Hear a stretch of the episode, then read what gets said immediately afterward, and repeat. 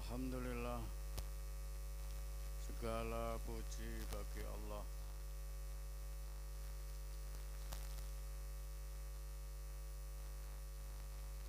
Tidak bosan-bosannya kita Bersyukur kepada Allah subhanahu wa ta'ala. Sampai saat ini kita semuanya masih diberi umur panjang oleh Allah Subhanahu wa taala sehingga kita masih mempunyai kesempatan untuk menambah ataupun menyempurnakan kekurangan-kekurangan kita selama ini di dalam beribadah kepada Allah Subhanahu wa taala. Kita bersyukur karena kesempatan yang diberikan oleh Allah Subhanahu wa taala kita tidak tahu apakah kesempatan itu akan berulang karena kita tidak tahu kapan Allah Subhanahu wa taala memanggil kita sekaligus mencabut kesempatan yang diberikan oleh Allah Subhanahu wa taala. Karena seperti yang kita tahu bahwa kematian adalah suatu misteri yang hanya Allah Subhanahu wa taala yang mengetahuinya. Dan bila kematian itu datang maka kita tidak kuasa untuk menundanya ataupun bahkan minta disegerakan. Idza jaa ajaluhum la yastakhiruna sa'atan wa la yastaqdimun apabila ajal mereka, ajal kita sudah tiba, maka tidak mungkin kita bisa menangguhkannya ataupun kita minta disegerakan. Jadi inilah kesempatan yang kesempatan itu akan menjadi sesuatu yang berharga kalau kita bisa memanfaatkan kesem kesempatan. Banyak orang mendapatkan kesempatan tetapi tidak bisa memanfaatkan kesempatan itu sehingga orang itu akan merugi. Orang itu tidak mendapatkan keberuntungan karena sebenarnya dia sudah mendapatkan kesem kesempatan. Tetapi dia tidak bisa memanfaatkan kesem kesempatan. Orang yang baik dan orang yang sukses itu adalah orang yang mempunyai kesempatan kemudian memanfaatkan bisa memanfaatkan kesempatan itu dengan ba dengan baik. Maka kesempatan tambahan umur hendaknya dimanfaatkan dengan sebaik-baiknya agar tambahan umur menjadi tambahan keba kebaikan. Semakin panjang umurnya, semakin banyak amal perbuatannya.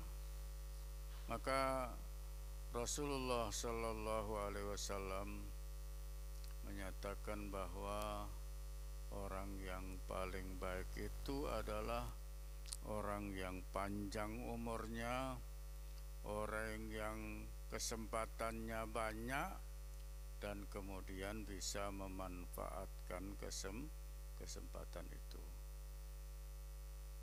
Khairun nasi apa? Mantola umruhu wa hasuna amaluhu. Sebaik-baik manusia adalah yang panjang umurnya, yang kesempatannya banyak, tetapi kesempatan itu kemudian dimanfaatkan dengan sebaik-baiknya untuk melakukan amal kebaji kebajikan. Mantola umruhu wa hasuna amalu. Artinya panjangnya umur menjadikan amal kebaikannya semakin ba semakin Sebaliknya orang yang paling jelek adalah orang yang sebenarnya mempunyai kesempatan tetapi kesempatan itu disia-siakan bahkan digunakan untuk hal-hal yang tidak ba tidak baik. Sehingga panjangnya umur justru menjadi menjadikan dia semakin banyak kejelekannya. Sarun nasi wa sarun nasi apa? Mantola umruhu apa? Wasa'a jadi sejelek-jelek manusia adalah orang yang umurnya panjang ya.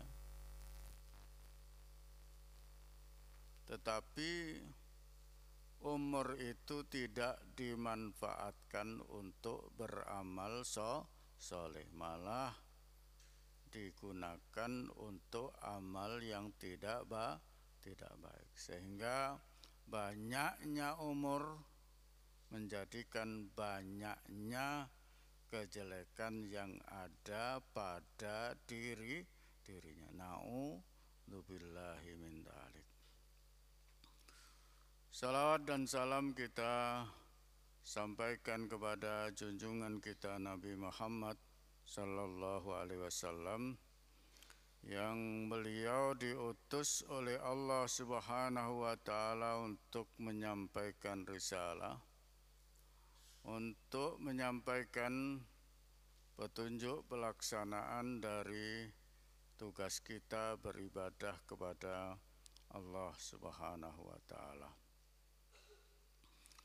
Anak-anakku sekalian, seperti yang sering disampaikan bahkan di dalam khutbah Jum'ah atau khutbah apa saja dianjurkan bahkan diwajibkan untuk menyampaikan anjuran bertakwa kepada Allah.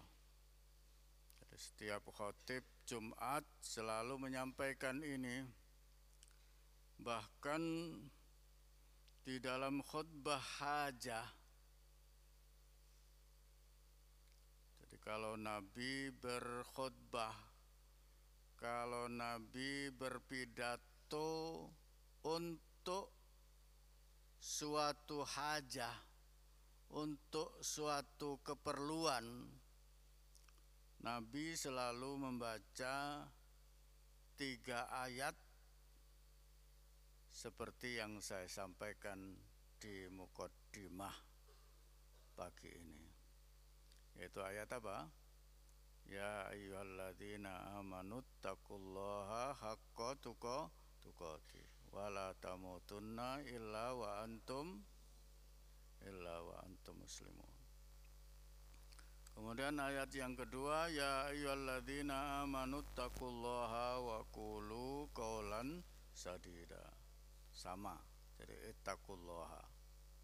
Kemudian ayat yang ketiga sama juga tetapi lebih umum disampaikan kepada manusia ya ayyuhan nasut taqu rabbakumul ladzi khalaqakum min nafsin wahidah wa khalaqa minha zaujaha wa bassa minhuma rijalan katsiran wa wa Apa artinya ini? Artinya bahwa kebersa keberhasilan atau terpenuhinya suatu hajah segala keperluan kita akan sampai pada tujuannya akan tercapai kalau apa? Kalau disertai dengan sifat tak takwa. Jadi Nabi Shallallahu Alaihi Wasallam di dalam khutbah hajah selalu mengingatkan bahwa keberhasilan suatu segala sesuatu segala keperluan kita dengan apa? Dengan bertakwa kepada Allah Subhanahu wa taala. Maka di dalam Al-Quran Allah subhanahu wa ta'ala berjanji wa mayyattaqillaha apa yaj'al lahu makhrajan wa yarzuqhu min haitsu la yahtasib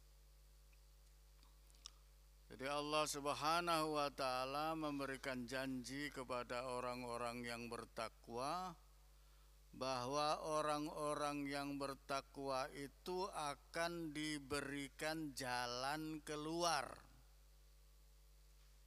Dalam artian bahwa segala keperluannya akan berhasil. Yaj'allahu makhrojan. Allah akan memberikan jalan keluar keluar.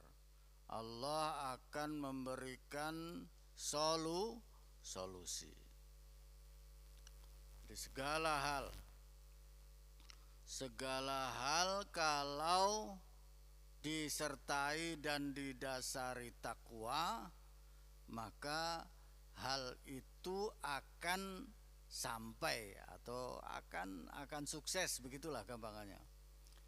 Karena apa? Karena tadi itu dijanjikan oleh Allah Subhanahu wa taala apa?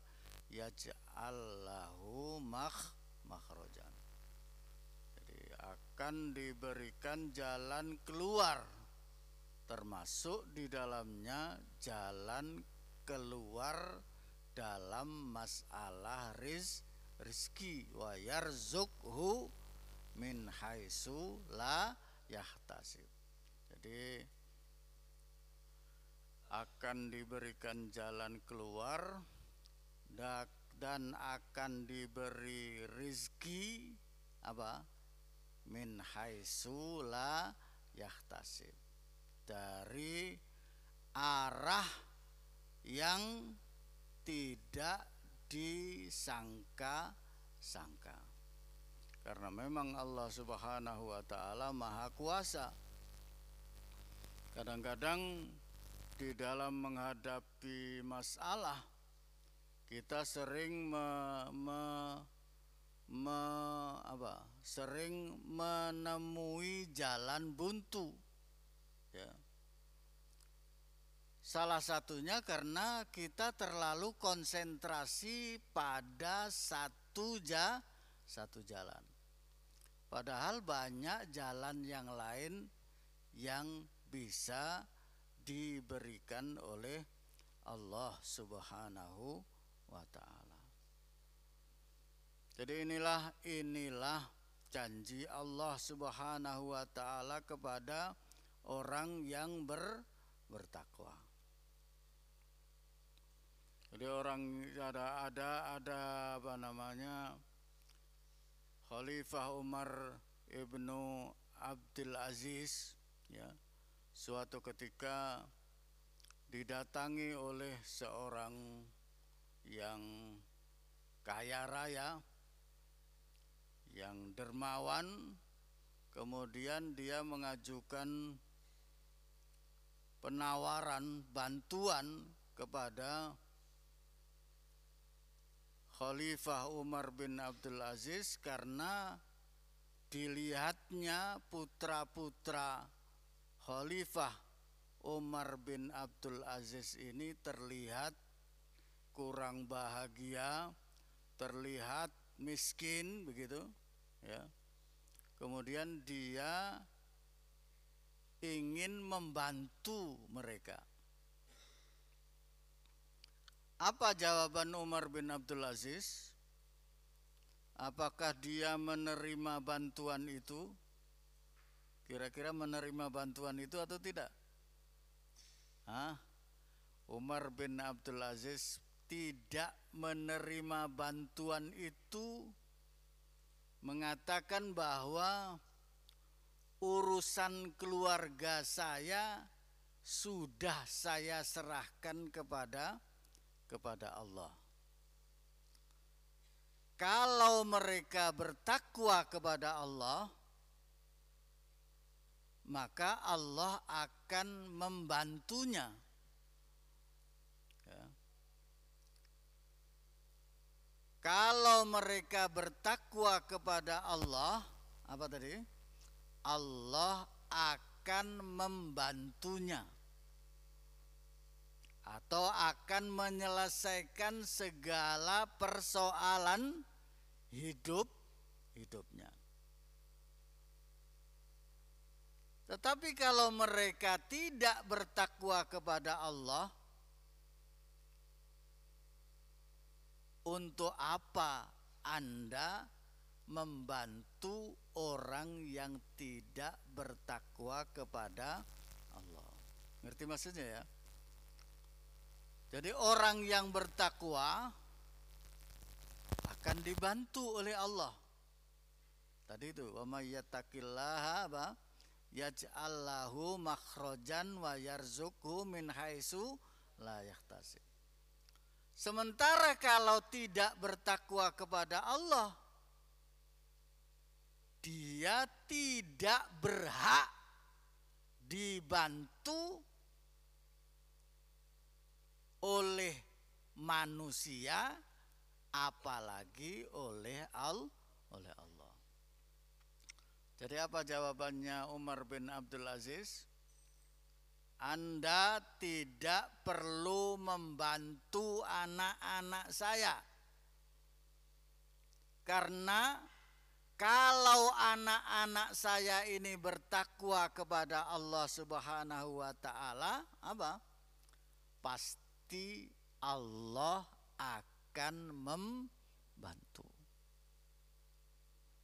Ngerti ya? Ngerti ya? Jadi yang penting manusia ini bertakwa. Ya. Tidak penting pekerjaan. Ya. Jadi biarpun tidak bekerja, orang yang bertakwa itu dapat rezeki atau tidak? Dapat rezeki atau tidak? Dapat atau tidak? Dapat atau tidak? kiai, ulama yang bertakwa kepada Allah Subhanahu wa taala kalau kamu lihat kiai itu bekerja atau tidak kelihatannya tidak mencari uang tidak bekerja. Tetapi karena dia bertakwa kepada Allah Subhanahu wa taala uang datang sendiri. Ya. Percaya? Percaya kiai uangnya datang sendiri? Duduk-duduk tahu-tahu ada wali santri datang nyabis. Dapat uang enggak dapat uang enggak salamannya berapa? Ada 100 ada 300 ada 1 juta. Datang enggak kamu kerja jadi kuli bangunan sehari. Dapat 50 ribu. Ya tahu betul enggak betul enggak kiai duduk-duduk tahu-tahu datang tamu ya enggak, enggak usah salam tempel lah. Kalau salam tempel itu rugi. Saya, saya enggak, enggak, enggak, enggak terlalu banyak. Ya. Ada tamu datang ke kiai ngomong kiai saya bersama keluarga saya mau umroh.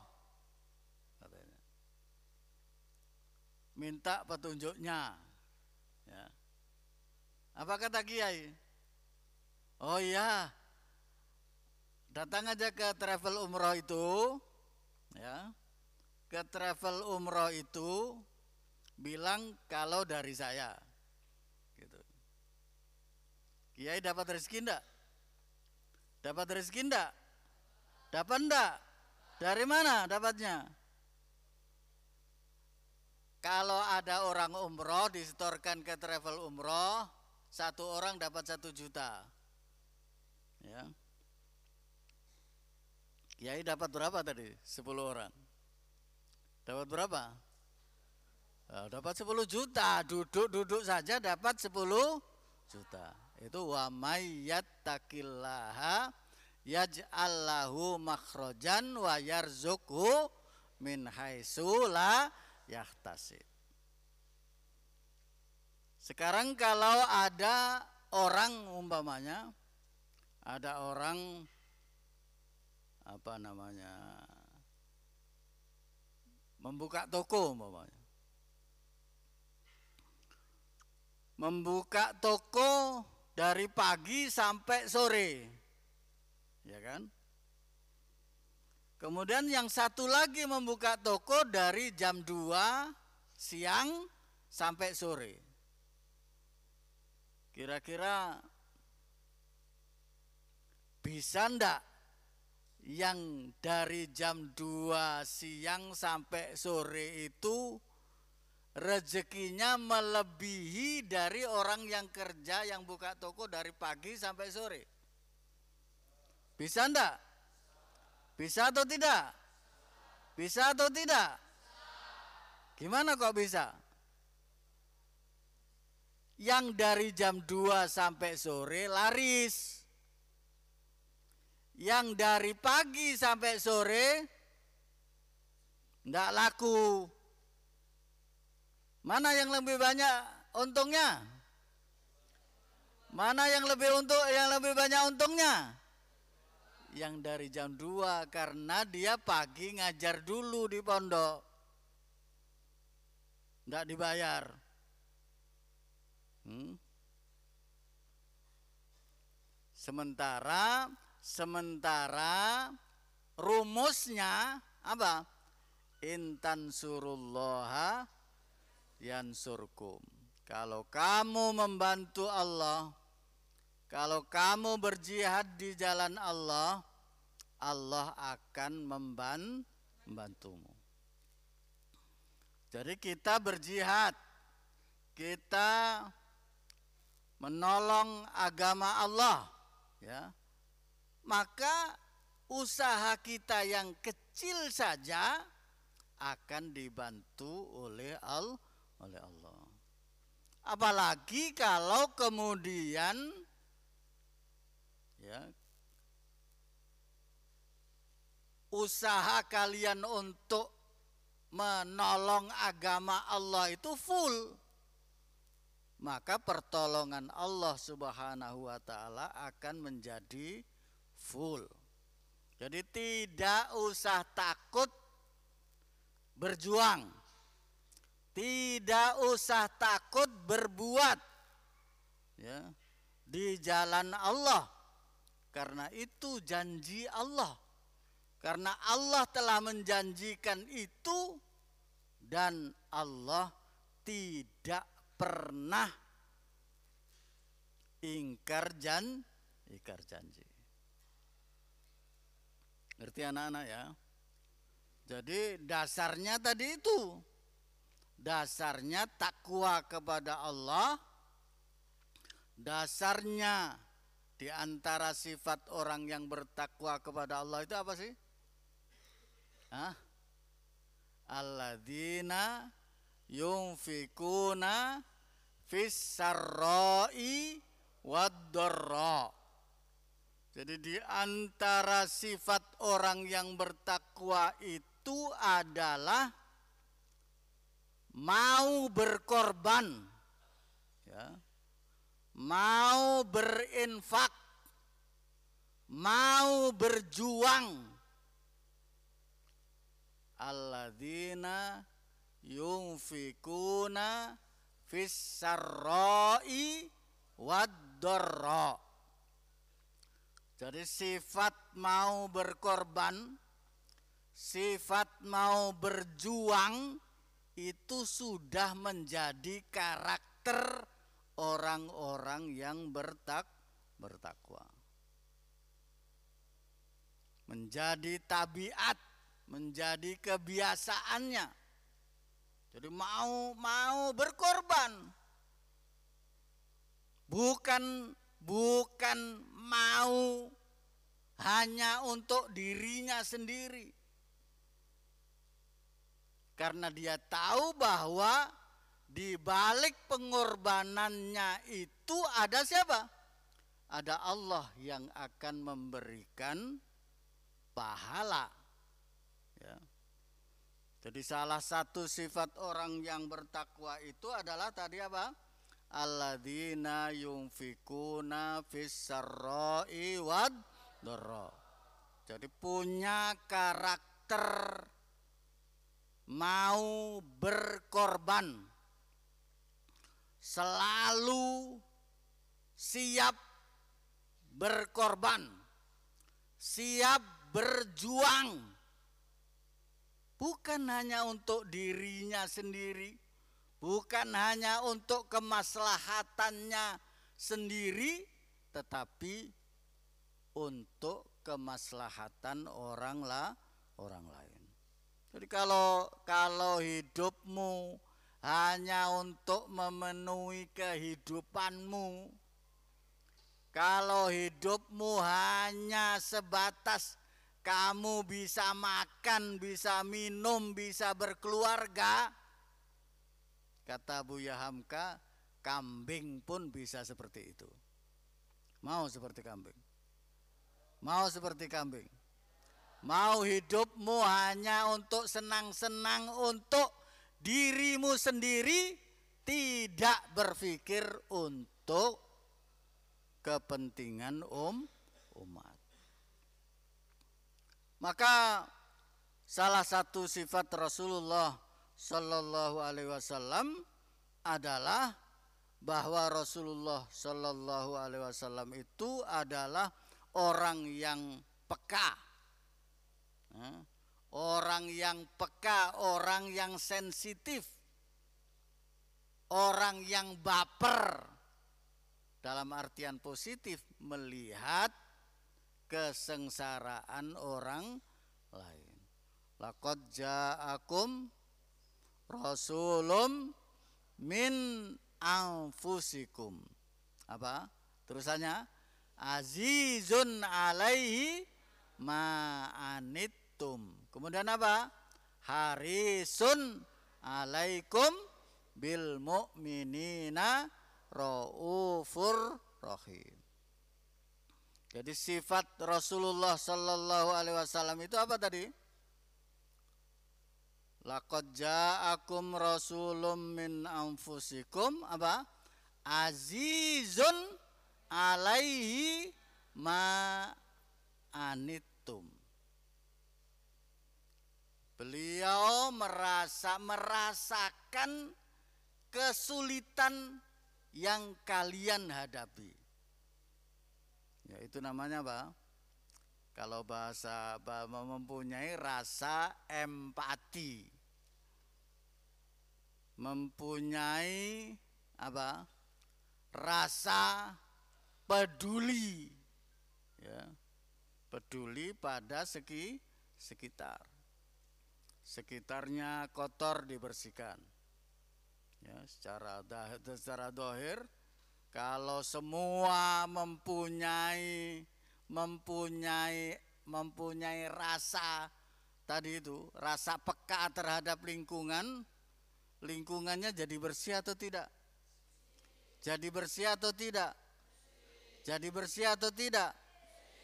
Salah satu indikasi masyarakat bertakwa adalah lingkungannya ber bersih.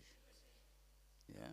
Jadi azizun alaihi ma'anitum. Jadi merasa terpanggil untuk berbuat kalau kalau ada ketidakbere beresan, tidak bersih dibersihkan. Itu termasuk sifat orang yang ber, bertakwa. Kalau kita peka, ya, kalau kita peka, juga bisa apa? Juga bisa menjadikan kita mendapatkan rizki. Ya. Sebenarnya orang-orang yang kaya itu karena apa? Karena mereka peka karena hatinya, karena jiwanya itu peka, bisa melihat, bisa mendengar, bisa merasakan sesuatu yang yang tidak dirasakan oleh orang lain. Ya. Ngerti maksud saya?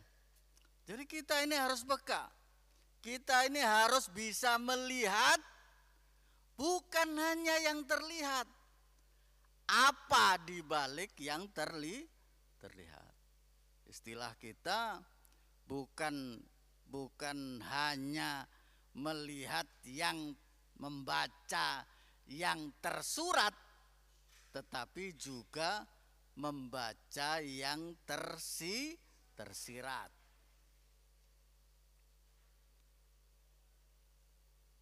Ngerti ya? Jadi apalagi apalagi kalau kemudian dia menjadi pemimpin. Menjadi pemimpin itu harus peka. Ya, harus peka. Harus gampang merasa. Ya. Contohnya begini. Contoh ini, contoh Contoh di dalam di dalam sholat umpamanya, imam. Cara mengingatkan imam bagaimana? Hah? Gimana?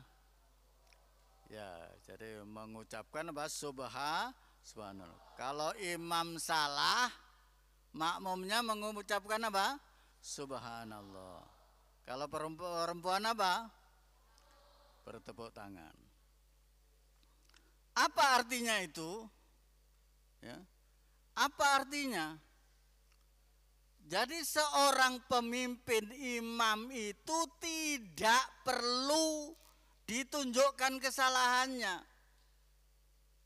Mestinya dengan subhanallah dia sudah tahu bahwa dia sah, salah.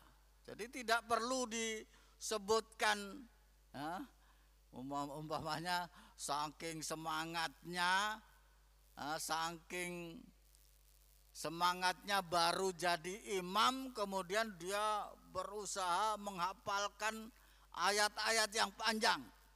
Sampai ketika sholat Allahu Akbar.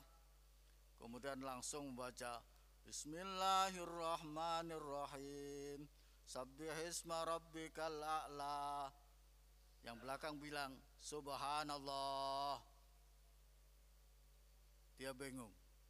Diganti lagi dengan Bismillahirrahmanirrahim. Diganti dengan Dengan dengan kulhu Tetap saja subhanallah. Ya Bingung dia. Padahal kesalahannya di mana? Kesalahannya dia tidak baca fatih, fatihah. Ya kan? Kesalahannya dia tidak baca fa, fatihah. Ya. Itu karena apa? Ya karena imamnya masih kurang profesional.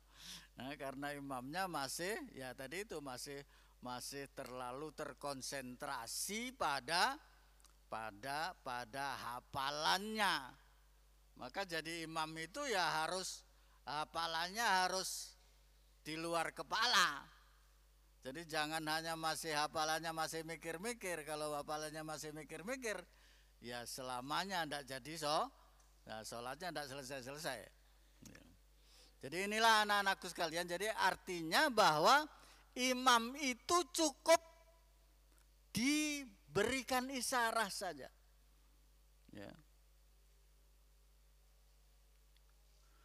Jadi orang yang sedemikian, orang-orang orang-orang yang yang yang sudah levelnya setingkat itu, ya, sudah bisa membaca sesuatu yang tersirat,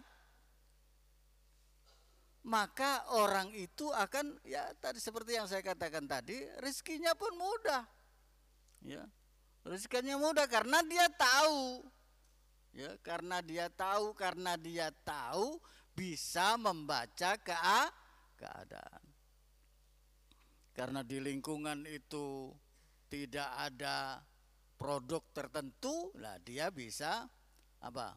Bisa berdagang mendapatkan rezeki dari produk yang dia ambil dari luar untuk masa masyarakatnya.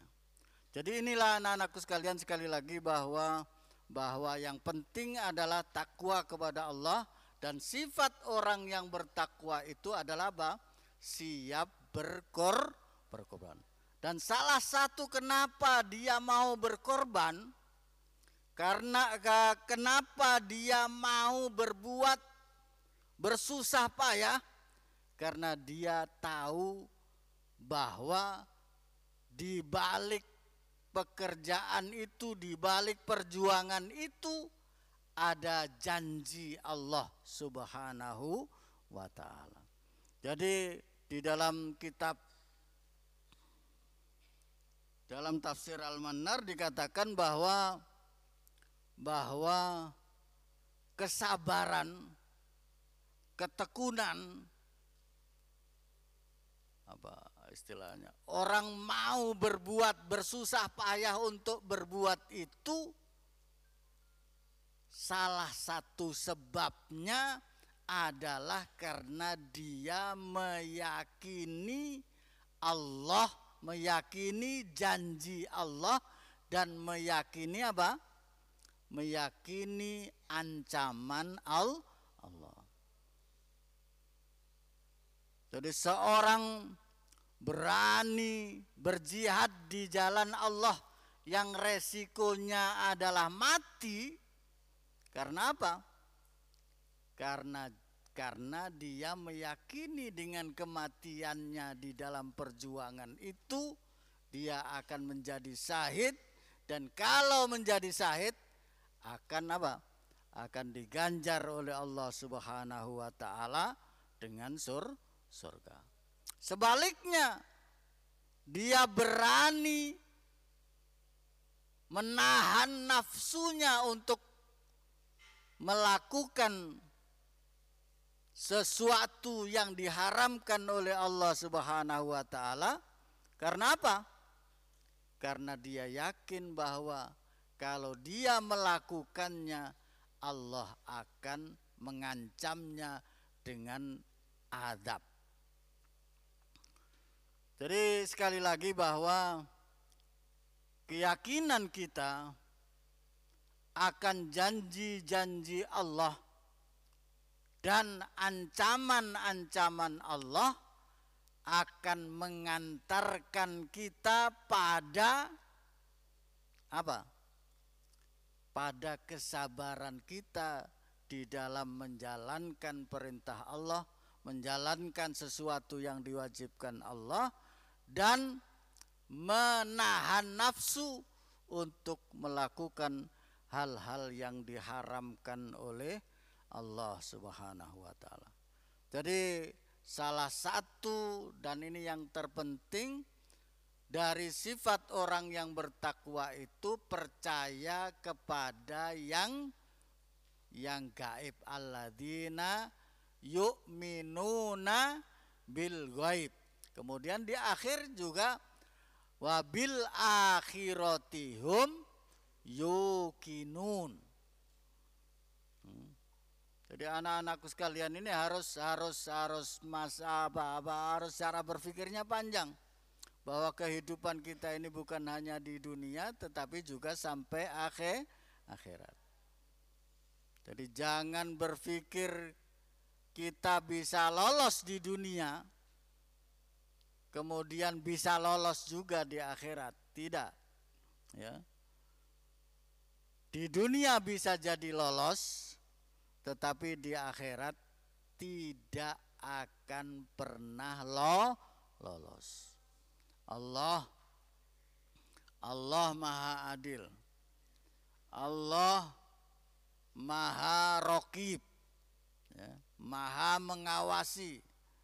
Maka harus ada di dalam diri kita perasaan selalu perasaan bahwa apa? bahwa Allah melihat kita. Maka di dalam Al-Ihsan ketika Rasulullah Shallallahu Alaihi Wasallam diajari malaikat tentang al-iman, tentang al-Islam, kemudian al-ihsan. Ketika berbicara tentang al-ihsan, apa kata kata kata malaikat Jibril? Anta budallaha ka'annaka tarahu fa illam takun tarahu fa innahu yaraka. Jadi al iman, al Islam, kemudian al ih al ihsan. Artinya apa? Jadi kalau kalian mau iman dan Islam kalian baik, apa yang harus kalian lakukan? Anta budallaha ka'annaka tarahu fa illam takun tarahu fa innahu yaraka. Jadi hendaknya di dalam hidup ini di dalam tingkah kita di dalam hidup ini harus kita sadari benar bahwa Allah ada di depan kita. Kalaupun kita tidak bisa melihat Allah, maka yakinilah bahwa Allah melihat kita.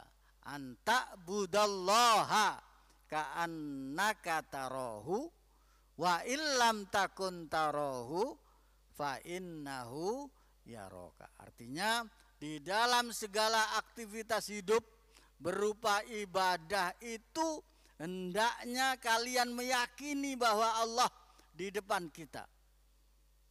Hmm. Bahwa seakan-akan Allah kita lihat, mengawasi kita. Tetapi kalaupun kita tidak bisa melihat Allah, maka ketahuilah bahwa Allah melihat kita. Anta budallaha ka'annaka tarahu fa illam takun tarahu fa innahu yara yaraka. Aku lu qouli hadza wa astaghfirullah li wa lakum wa li sa'iril muslimina min kulli dhanbin fastaghfiruh innahu ghafurur rahim. Assalamualaikum warahmatullahi wabarakatuh.